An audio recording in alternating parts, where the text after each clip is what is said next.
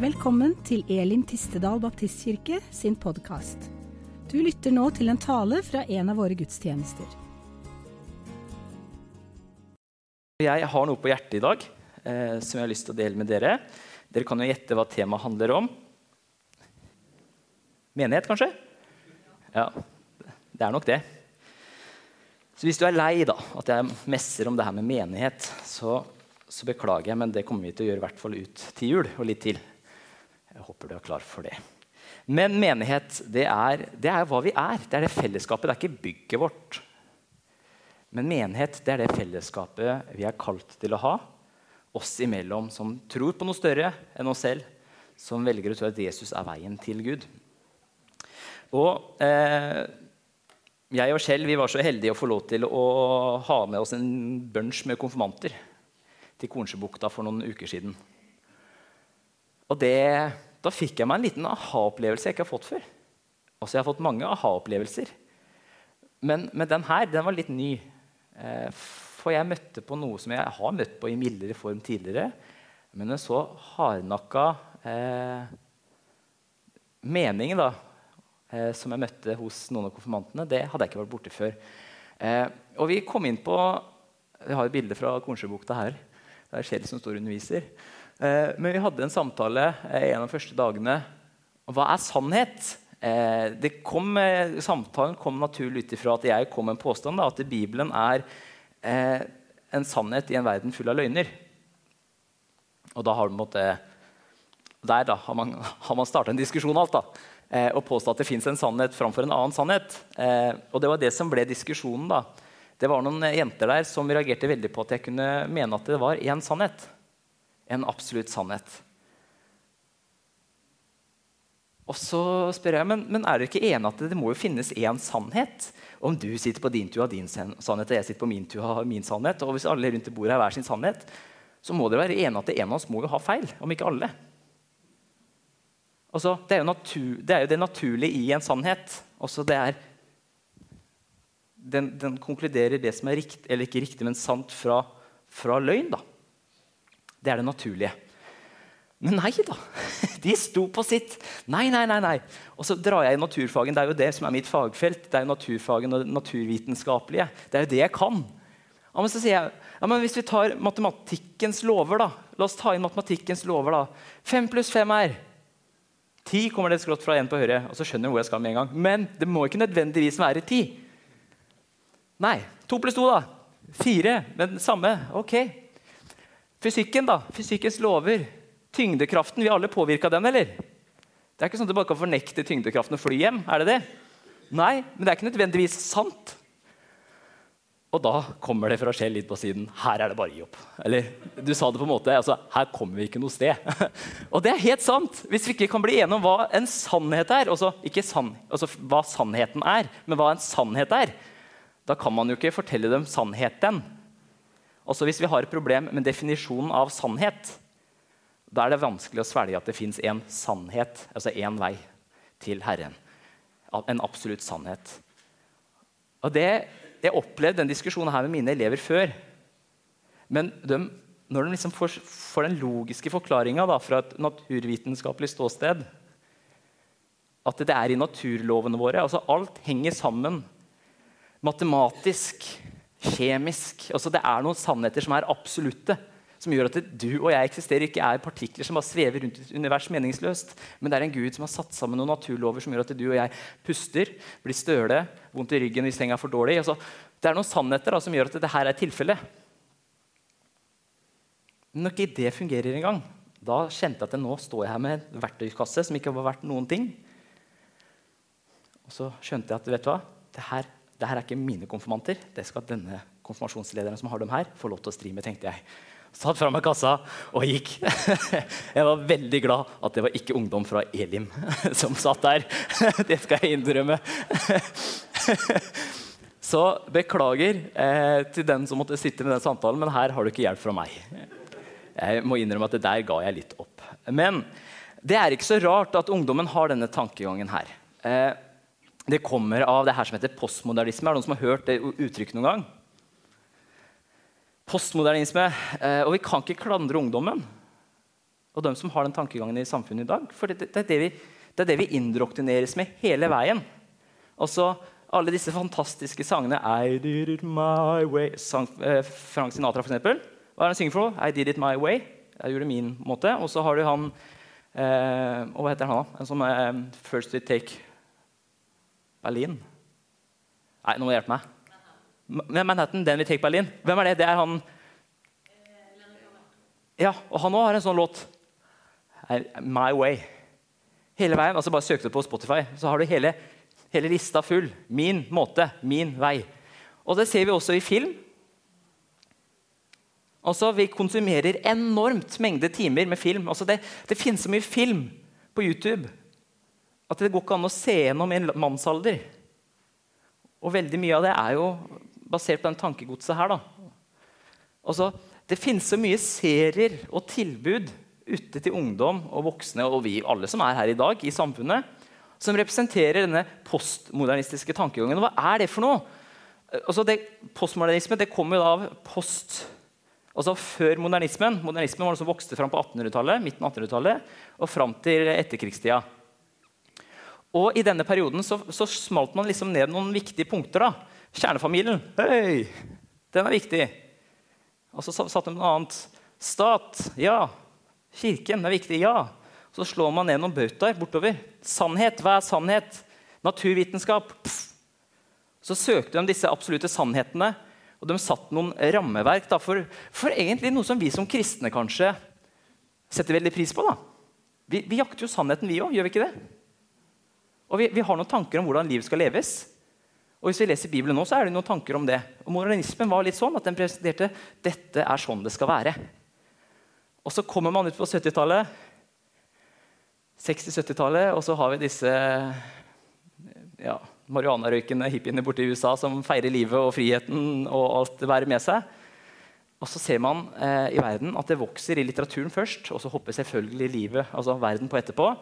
Postmodernismen. Altså en motbør til det som heter modernismen. Også, det her ble veldig teknisk, skjønte jeg nå.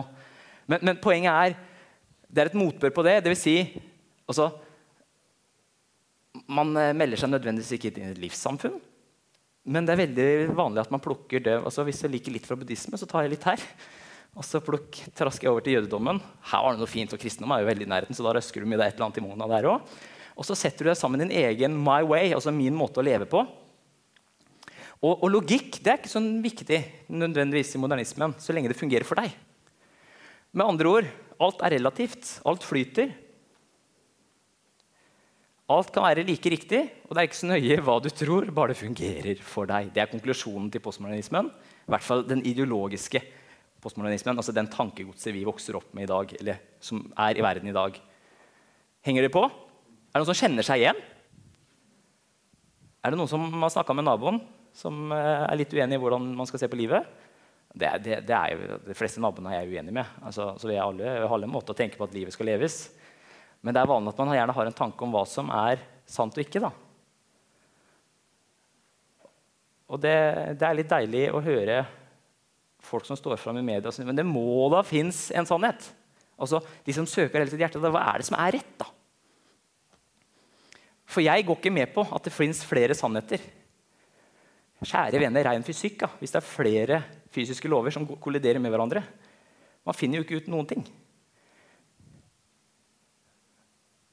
Så jeg vil i hvert fall ikke levere en eksamen til mine elever der de må velge mellom den og den fysiske loven å regne ut ifra fordi den ene virker mer riktig enn den andre overfor hverandre. Altså, Du får ikke en sannhet, da. Hva er det Jesus sier til det her? Hvis vi tar går inn i Bibelen, da, Jesus er ikke nøytral. Veldig mange tror at Jesus skal ha en sånn nøytral, fin skikkelse. Men Jesus han, han er ganske hard noen ganger på sannheten sin og det han presenterer.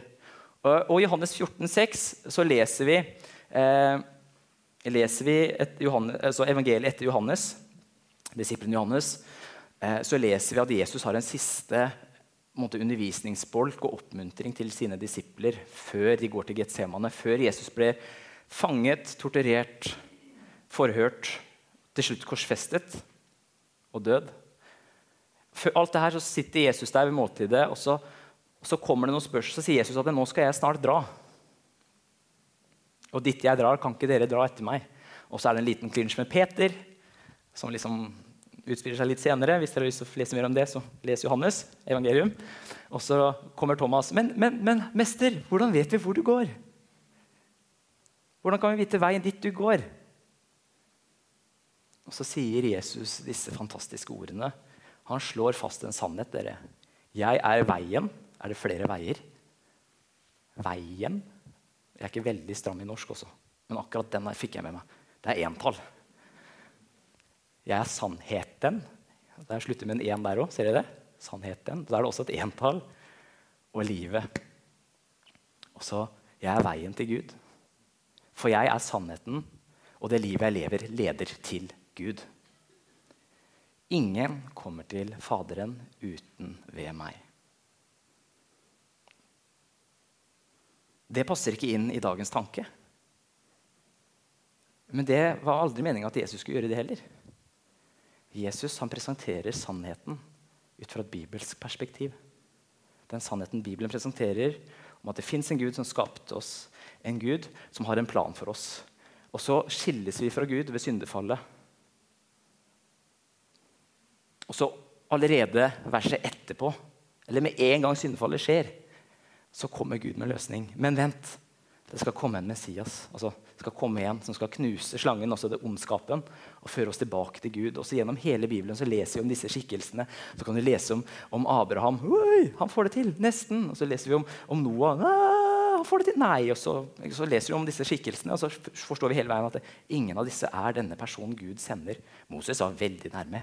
Helt han ble litt sint og til en stein. Nei, slo på en stein. Altså, Hele Bibelen er, er bilder av Messias-figurer som ikke får det til. David han var veldig nærme, og så kom det en veldig vakker Batseba i veien på tak. Som bada litt for tynnkledd. Altså, hele veien så presenterer Gud nesten Messiaser. Men som forteller oss at vi trenger, vi trenger noe som er perfekt. Det perfekte offerlam, som vi leser om i 4. Mosebok. Du skal bære fram det perfekte offerlam uten feil. Men mennesker, vi er mennesker, vi er ikke uten feil. Men Jesus fikk lov til å gå her på jorda. Han var menneske, han var Gud. Han ga ned sitt liv og var det offerlammet for deg og meg. Og her presenteres den nye veien gjennom Jesus. Fantastisk. Og det er Leif Jacobsen han, han bruker et uttrykk som heter altså, 'the uniqueness of Christ', altså unikheten ved Jesus. Han kommer inn og så presenterer han ikke noe annet enn 'jeg er veien, jeg er sannheten, jeg er livet'. Det er enkelt. Så enkelt så det er vanskelig. Veien, sannheten og livet, den er ikke noe Hva skal vi si nøytral. Det er et absolutt. Det er Bibelen, sannheten, sannheten Bibelen presenterer, som vi må velge å tro eller ikke. Og hvor tar vi det her da, i et menighetsperspektiv? For å, for å koble inn på en menighet. Hvorfor sitter vi her, da? Hvis Jesus er veien, sannheten og livet, skal vi ikke begynne å gå ut og gå? Hvorfor sitter vi her som et fellesskap? I dag sitter vi her veldig mange. Men hvorfor er vi her? Jo, fordi vi her tror at det er én vei til Gud. Vi har et fellesskap som har en felles tro om hvem Gud er. Og veien til Gud den er vanskelig. den. Jesus sier at den er smal. Og så sier han at De rike de må jo også gjennom en sånn jeg må ikke gjennom, men han, han bruker et bilde på denne, denne, fantastiske porten i Jerusalem. Den som kamelen måtte ned og krabbe under for å komme gjennom nåløyet. Altså, jeg trodde kjære vene en tid at hvis jeg hadde så og så mye penger på konto, så måtte, måtte, jeg presse meg gjennom et nåløye. Og jeg får jo ikke gjennom sytråden engang. Men jeg skjønte jo etter hvert at det var snakk om en port i Jerusalems murer som var vanskelig for kamelene å komme inn. De måtte bøye seg rett og slett. De måtte bøye seg for Jesus. Knele for Jesus. Men menighetsperspektivet, ja. Ut ifra det vi leste Jesus sa, hva er menighetens funksjon da? i det her? Hvilken, men, altså hvilken rolle har vi som menighet, fellesskap? Når jeg sier menighet, så sier jeg ikke kirke, bygg. Jeg snakker om fellesskapet. Vi kan sitte i en låve, vi kan sitte på et jorde, i en gapahuk, hjemme hos meg eller hjemme hos Heidi, samme hvor vi er. Altså, bare vi er fellesskap av troende. Men hvilken rolle er det denne, dette fellesskapet har? da? Og jeg fikk, var så heldig å få lov til å få en tur til Efesus eh, når jeg var med baptistene nå eh, i Tyrkia. På sånn eh, eh si, fellesskapstur og bibelskole og alt, alt på en gang. Det, det, var nydelig. Og så tok jeg dette fantastiske bildet her. Dette er jo et tempel som ikke er til, til Jesus. Altså, det var til Husker jeg ikke Herodites? Nei. Skal jeg ikke gå hjem og søke, så finner du det. Men, men det er i hvert fall tempel eh, som er bygd. Eh, men, men, hva er det kirken, da? Vi som kirke og fellesskap, hva, hva, hva, hva er meningen med vårt tempel? da? Den vi er, vårt fellesskap. Og Paulus skriver til efeserne, eller Efesus, menigheten i Efesus noen år etter at han var der sjøl. Han bodde der i to år. Han vandret i gatene der. Han besøkte biblioteket og leste litt Lucky Luke i, i fritida si, kanskje. Han, han bodde og var en, var en, del av Efesus sitt bilde. Han satt på markedet der og solgte sine telt. Og I pausene så leser vi at han underviste om Gud og hvem Jesus var, gjennom Bibelen, datidens bibel, altså Toraen og Tanaken. Og så forsyner han. Og så Veldig morsom vri hvordan han må dra videre derfra, men det kan dere lese selv. i Apostelens gjerninger. Men, men, han var et del av det bildet. Han dannet en menighet, og så skriver han tilbake til menigheten. Og det han skriver til menigheten i Efesus noen år etterpå, 4.1-16, det er så bra at vi må lese det sammen. Så nå, om du ikke har din egen bibel, så lytt. Er det greit? Så formaner jeg dere, jeg som er fange for Herrens skyld, at dere lever et liv som er verdig det kallet dere har fått. Altså, Paulus satt i fangenskap på den tiden her ble skrevet. I mildhet, ydmykhet og storsinn, så dere bærer over med hverandre i kjærlighet. Altså, vi, skal, vi skal elske hverandre, og være ydmyke og tålmodige med hverandre. Og så skriver han jo litt tidligere eh, til Filippi-brevet så skriver hver gang jeg tenker på dere, så tenker jeg bare gode tanker og takker Gud. skriver han til Filippi. Men jeg må innrømme at noen ganger når jeg tenker menighet og menighetsarbeid, så tenker jeg Så jeg kan ikke, altså, jeg tror det er litt menneskelig da, i menighet. Når vi trykker mange mennesker sammen, så blir det gnisninger. Og det kommer han litt tilbake litt lenger ned her. Men, men, det er et kall om at vi skal elske hverandre, bære over med hverandre og være gode med hverandre. Tålmodig. Også når man har litt vanskelig for å se hverandre i fjeset. Da må man kanskje skvære opp og bli litt gode venner. Invitere på kaffe og spandere donuts eller et eller annet. Sett alt inn på å bevare åndens enhet i den fred som binder sammen. Sett alt inn på å bevare den åndelige fellesskapet. Åndens enhet. Og så slår han fast noen sannheter. Det er én kropp, det er kirken. Én ånd, Den hellige ånd. Så dere fikk ett håp da dere ble kalt. Én Herre, én tro, Én dåp, som vi bevitna her i stad. Én Guds og alles far. Han som er over alle og gjennom alle i, og i alle. Til hver enkelt av oss er nåden gitt, alt ettersom Kristi gave blitt tilmålt. Og Så hopper vi litt ned til 11. Og det var han som ga noen til å være apostler, noen til profeter, noen til evangelister, noen til hyrder, noen til lærere, for å utruste de hellige til tjeneste, så Kristi kropp bygges opp. Og så Vi har forskjellige oppgaver. dere. Og Da er man kanskje litt uenig om hvordan ting skal gjøres òg, for vi har forskjellig fokus. Veldig ofte blir det i hvert fall sånn. Inntil vi alle når fram til enheten i troen på Guds sønn og i kjennskap kjennskap til Han og blir det modne mennesket som er fullvoksent og har hele Kristi fylde, så skal vi ikke lenger være umyndige småbarn. Ikke la oss kaste hit og dit og drive omkring hvert eneste vindpust av ny lære, så vi blir, så vi blir et bytte for mennesker, menneskers falske spill og lystige, forførende knep. Men vi skal være tro mot sannheten i kjærligheten og i ett og alt vokse opp til Han som er hodet, Kristus lederen for menigheten. Vi skal vokse opp. Både som fellesskap og som enkeltindivider skal vi få lov til å vokse opp til Jesus og bli det mennesket han har utvalgt oss for å være. Ut ifra han blir hele kroppen sammenføyd og holdt sammen av hvert bånd og ledd, alt etter den oppgaven hvert enkelt har fått inn, tilmålt, så kroppen vokser og bygges opp i kjærlighet. Hva er det som holder oss sammen? Kjærlighet. Og så var det denne her at vi, vi, vi står sammen om noen sannheter. Én kropp, én kirke. Én ånd. Ett håp. Én Herre. Én tro én dåp og én far. Én Gud. Dette er de sju sannhetene dere, vi bygger fellesskapet vårt på. Disse er absolutte. Dem kan vi ikke rokke ved. Da blir det vanskelig, som Paulus sier her. Efeserne 4, Også, også Hele det avsnittet heter Kirkens enhet. Hvordan skal vi fungere i praksis sammen? Jo, her er oppskriften, dere. Bibeleksen eh, Kaupang, du har vel oversatt noe av den, tror jeg? Ja. Jeg leser i den nesten hver dag. Og den er fantastisk. Eh, og når jeg leser noe, og jeg ikke forstår det, så blar jeg gjerne opp i den. Og noen ganger forstår jeg det da, andre ganger forstår jeg det ikke. Men, men det hjelper meg å få et innblikk.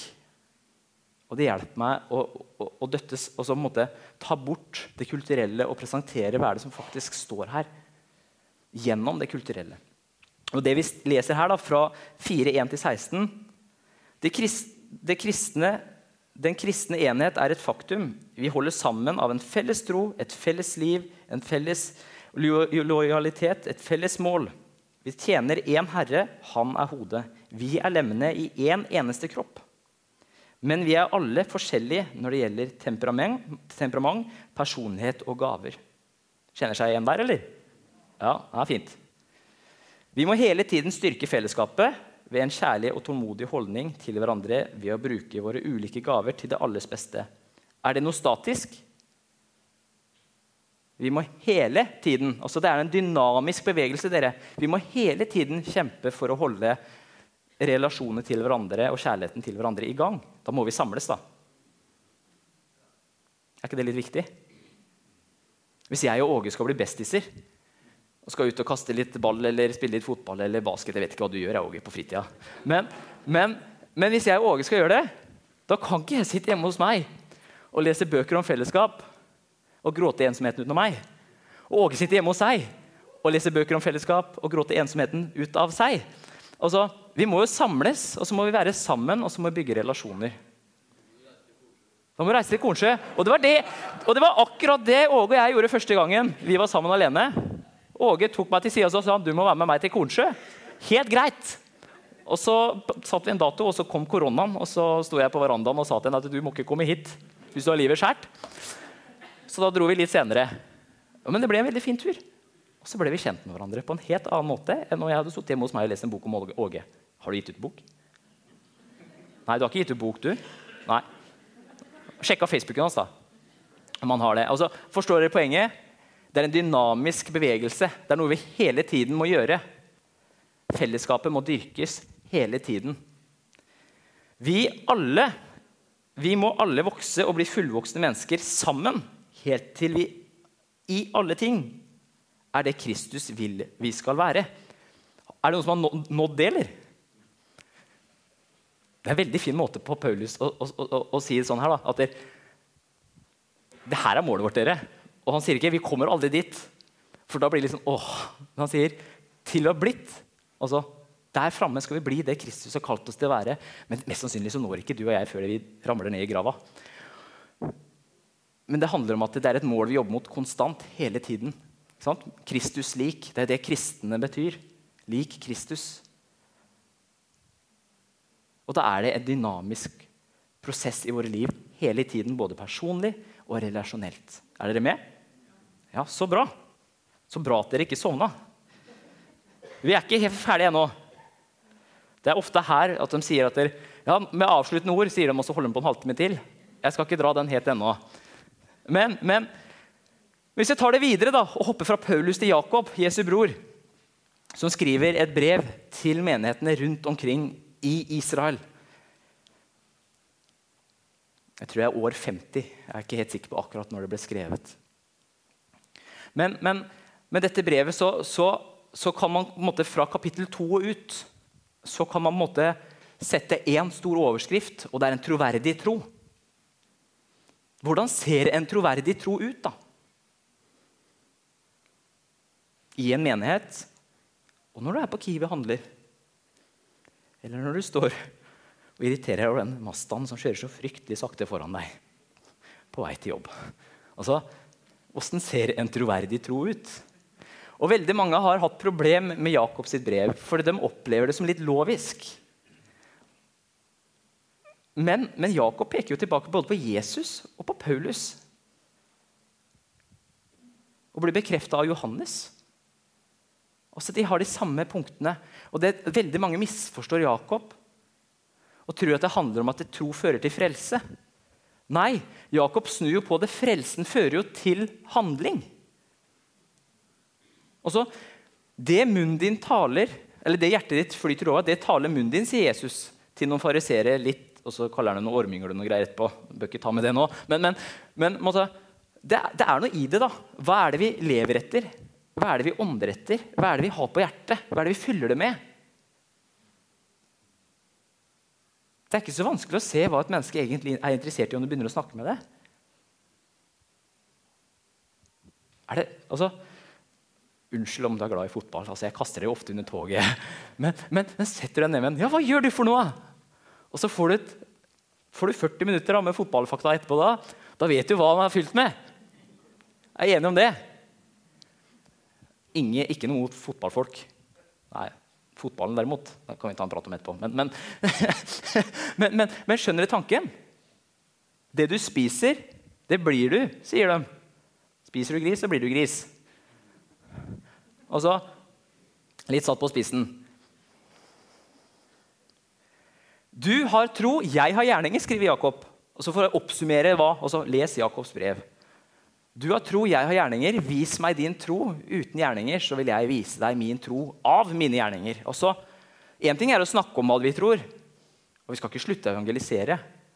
Men om handlingene våre peker en annen vei Om du stopper ned på torvet, evangeliserer Jesus og Jesu navn og veien til himmelen gjennom Han, og flekker finger til nestemann i lyskrysset da. Og så står de der og hører, de som har hørt deg, ser deg i lyskrysset, og så kommer fingeren ut av vinduet. Hva vitner det om hva? Og så stemmer det overens med hva, hva du har sagt da tidligere. Nei. Igjen handling fører ikke til frelse. Men et, et, et, frelst menneskes handling vil være synlig ut ifra hva du tror, og er forandret av. Altså, Jesus setter oss fra verden. Han presenterer oss for én sannhet, mens verden presenterer oss for et, en høv av sannheter. Og denne sannheten som Jesus representerer, den bør jo gjøre noe med vårt handlingsmønster. Den bør jo gjøre noe med hvordan vi tenker om oss selv og andre mennesker rundt oss. Det bør jo gjøre oss ydmyke. I stedet for å kaste stein, da, så bak boller og gi det i stedet for. La oss snu litt på handlingene våre. Ikke fordi vi er så gode på det, men fordi Gud har gjort det og lagt noe ned i våre hjerter. Jeg, jeg tenker så enkelt at Hvis vi fyller oss med Gud, så vil handlingsmønsteret vårt endre seg automatisk. Er vi enige om det?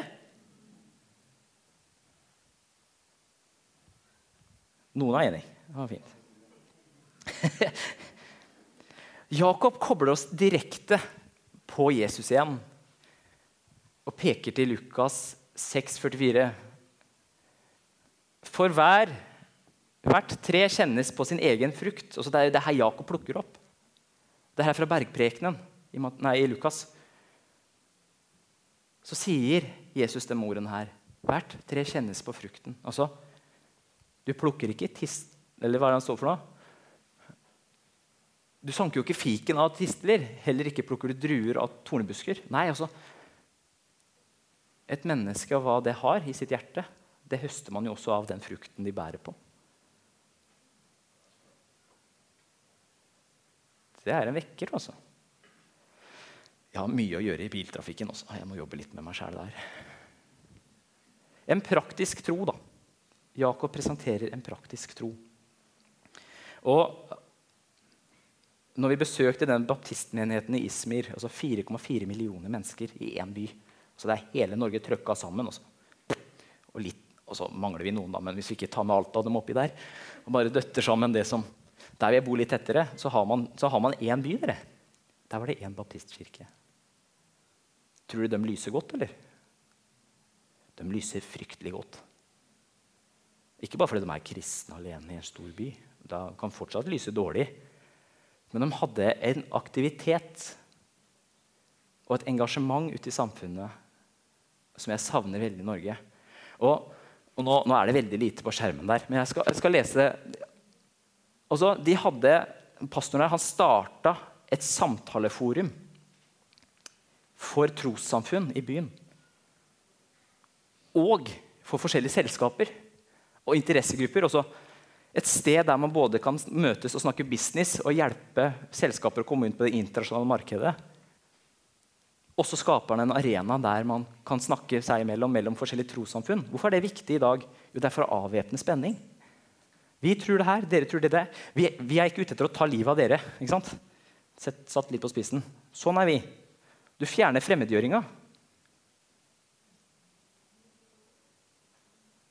Og så åpner han kanskje døra for noe nytt for dem som står der og ser inn til dem.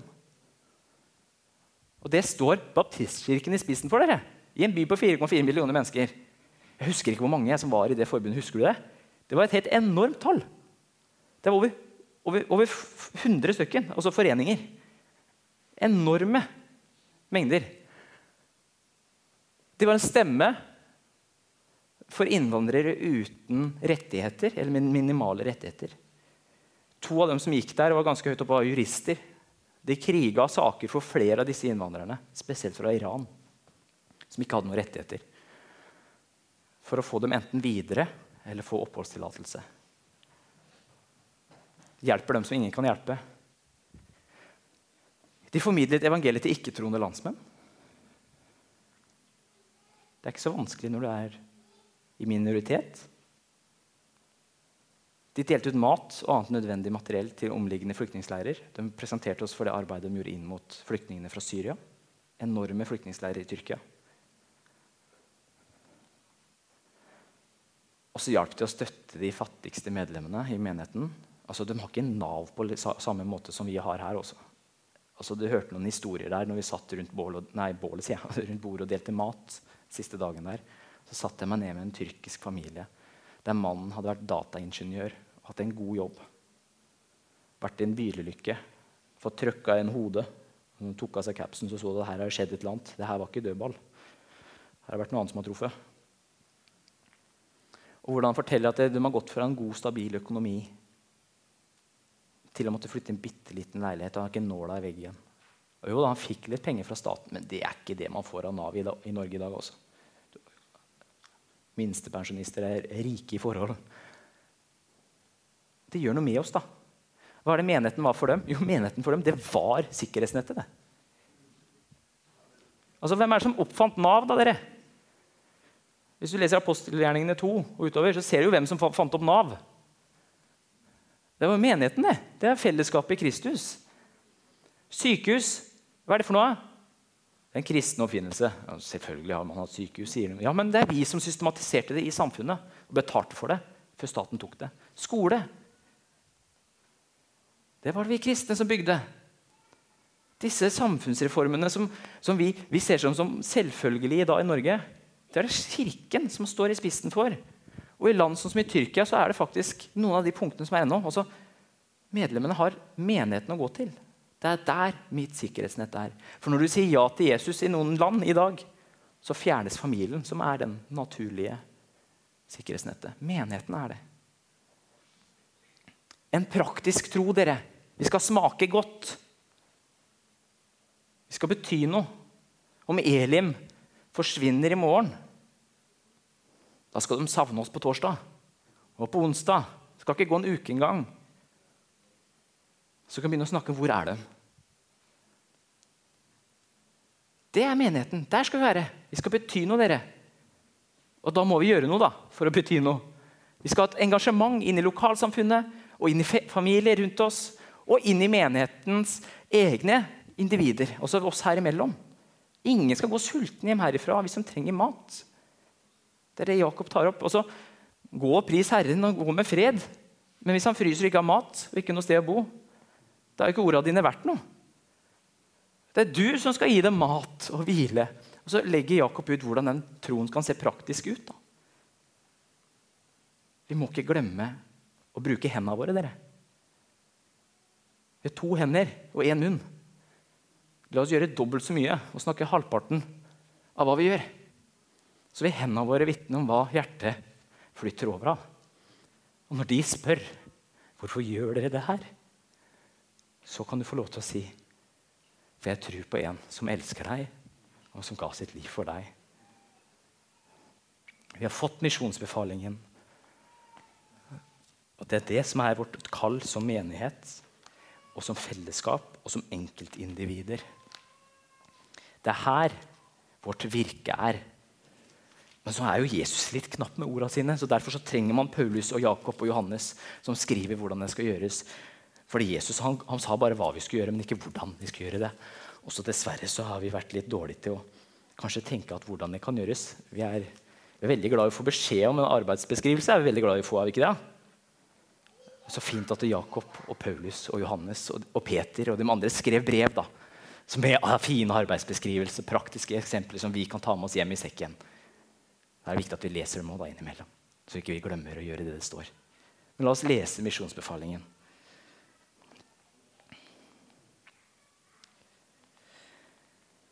Da trådte Jesus fram og talte til dem. Jeg har fått all makt i himmelen og på jorden. Gå derfor og gjør alle folkeslag til disipler. Døp dem til Faderen og Sønnen og Den hellige ånds navn, og lær dem å holde det jeg har befalt dere. Og se, jeg er med dere alle dager inn til verdens ende. Det oppdraget så har gitt oss stor frihet til å utføre det. De sa, I starten av krigen i Ukraina så spurte de, hva er det som gjør at den ukrainske hæren beveger seg på en annen måte enn den russiske. Jo, Russerne er helt sånn punkt dit. Gå dit, gjør ditt. Du skal gjøre på den måten. Mens den ukrainske hæren altså, naturligvis da, når det er i kaos, gå dit og gjør hva du kan for å stoppe dem.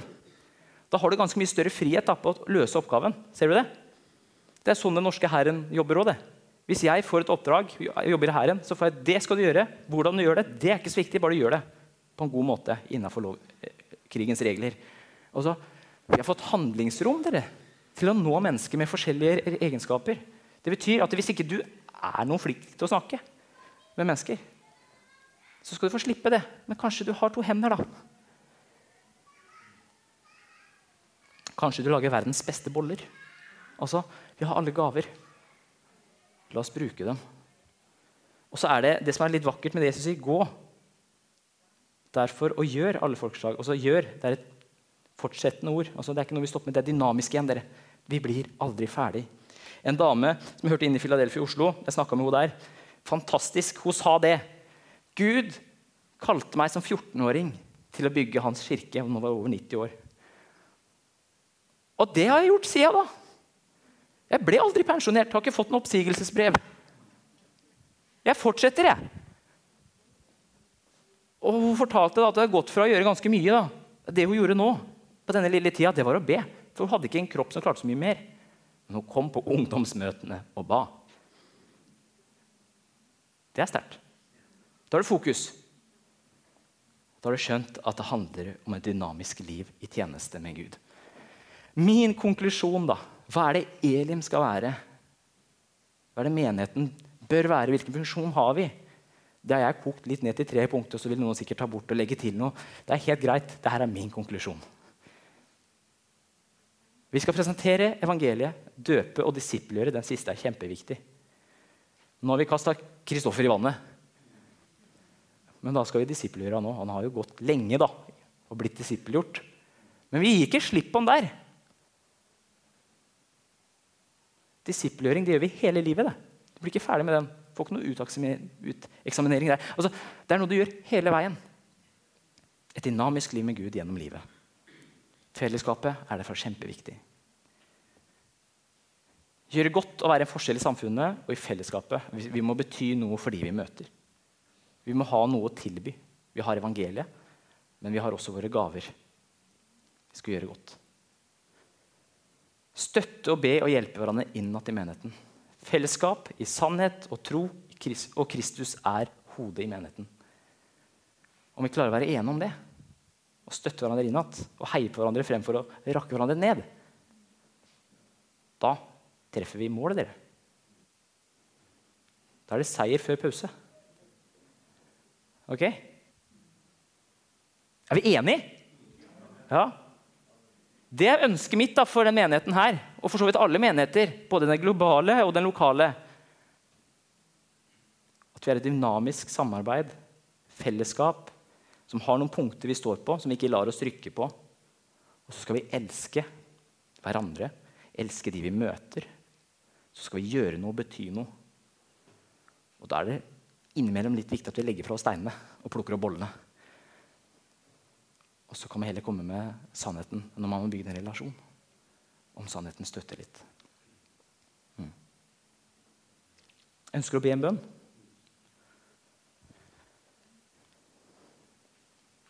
Og så skal du få ta med deg, Før jeg ber, så skal du få ta med deg et spørsmål hjem. For det Én ting er jo hva vi som menighet og fellesskap blir enige om. Men vi går jo alle til menigheten av en grunn. Gjør vi ikke det? Hvorfor går du til menigheten? Er det kultur? Tradisjon? Er det for at du skal få noe? Er det for at du skal gi noe? Er det for at du trenger å gi noe? Eller trenger å få noe? Og Noen ganger så er det svaret litt forskjellig. Noen ganger så trenger man å få. Det gjorde jeg sist søndag. Jeg trengte å få litt. Andre søndager så kom jeg for å gi. Men det viktigste dere, vi gjør i fellesskapet, her, det er å komme for å gi til hverandre. Så vi må ikke glemme å komme for å gi òg. Og det kan være en klapp på skuldra, et vennlig nikk. 'Jeg ber for deg.' Og så må du be for den, da. Selvfølgelig. Ikke bare si det. Altså, Ser dere poenget? Men den hjertesjekken det må du stå for hjemme. Det må du gjøre i ditt hjerte. Jeg kan ikke gå inn og krysse av. Det skal ikke Kjell gjøre heller. Og ingen andre her skal gå og sjekke hjertet ditt. Det må du gjøre sjøl. Mm. Yes. La oss be. Så skal kornsjemusikken få lov til å lede oss i lovsang etterpå. Takk, far, for at du kom med en sannhet i en verden full av løgner. Takk for at du kom med tro. Én tro på deg. Én vei. Takk for at du kom med et fellesskap, en ånd. En dåp. Takk for at du kom med én menighet der du styrer, far. Du er hodet. For vi skal få lov til å tjene og ta vår plass i denne kroppen som et bilde på din menighet, far. Hjelp oss, far, til alltid ha deg i sentrum her hos oss. La alt vi gjør, peke på deg. Hjelp oss til å legge bort egen vinning, egen stolthet. Hjelp oss til å være ydmyke. Hjelp oss til å elske hverandre også når det er vanskelig. Styr vår munn og våre handlinger. Hjelp oss til å velge våre ord med omhu, så vi bygger hverandre opp og ikke river hverandre ned. Jeg ber om at det kommer frimodighet til de mennesker som sitter med drømmer og visjoner om hva vi kan gjøre for de rundt oss. Og kom med ressurser til å utføre det du legger ned av drømmer i våre hjerter. Hjelp oss til å bety noe for vårt nærmiljø, for vår by, vårt samfunn og vårt land, far. Vi ber for regjering, vi ber for storting. Vi ber for kongen vår, far styresmaktene våre. Vi legger dem i dine hender. Hjelp oss til å velsigne og be for våre fiender. Og hjelp oss til å be og velsigne våre naboer og de vi møter, far. Hjelp oss til å bære ditt navn med ære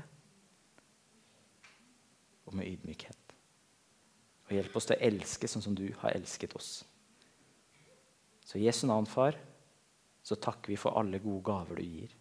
For fellesskap vi har, så ber vi om at du må hjelpe oss til å bli enda tettere knyttet sammen i relasjoner, i bønnefellesskap og i tro, far.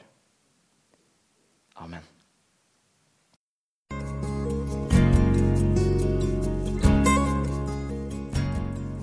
For at du lyttet til denne talen. Håper du ble inspirert. Ønsker du å vite mer om hvem vi er og hva vi gjør? Sjekk ut vår hjemmeside elintistedal.no.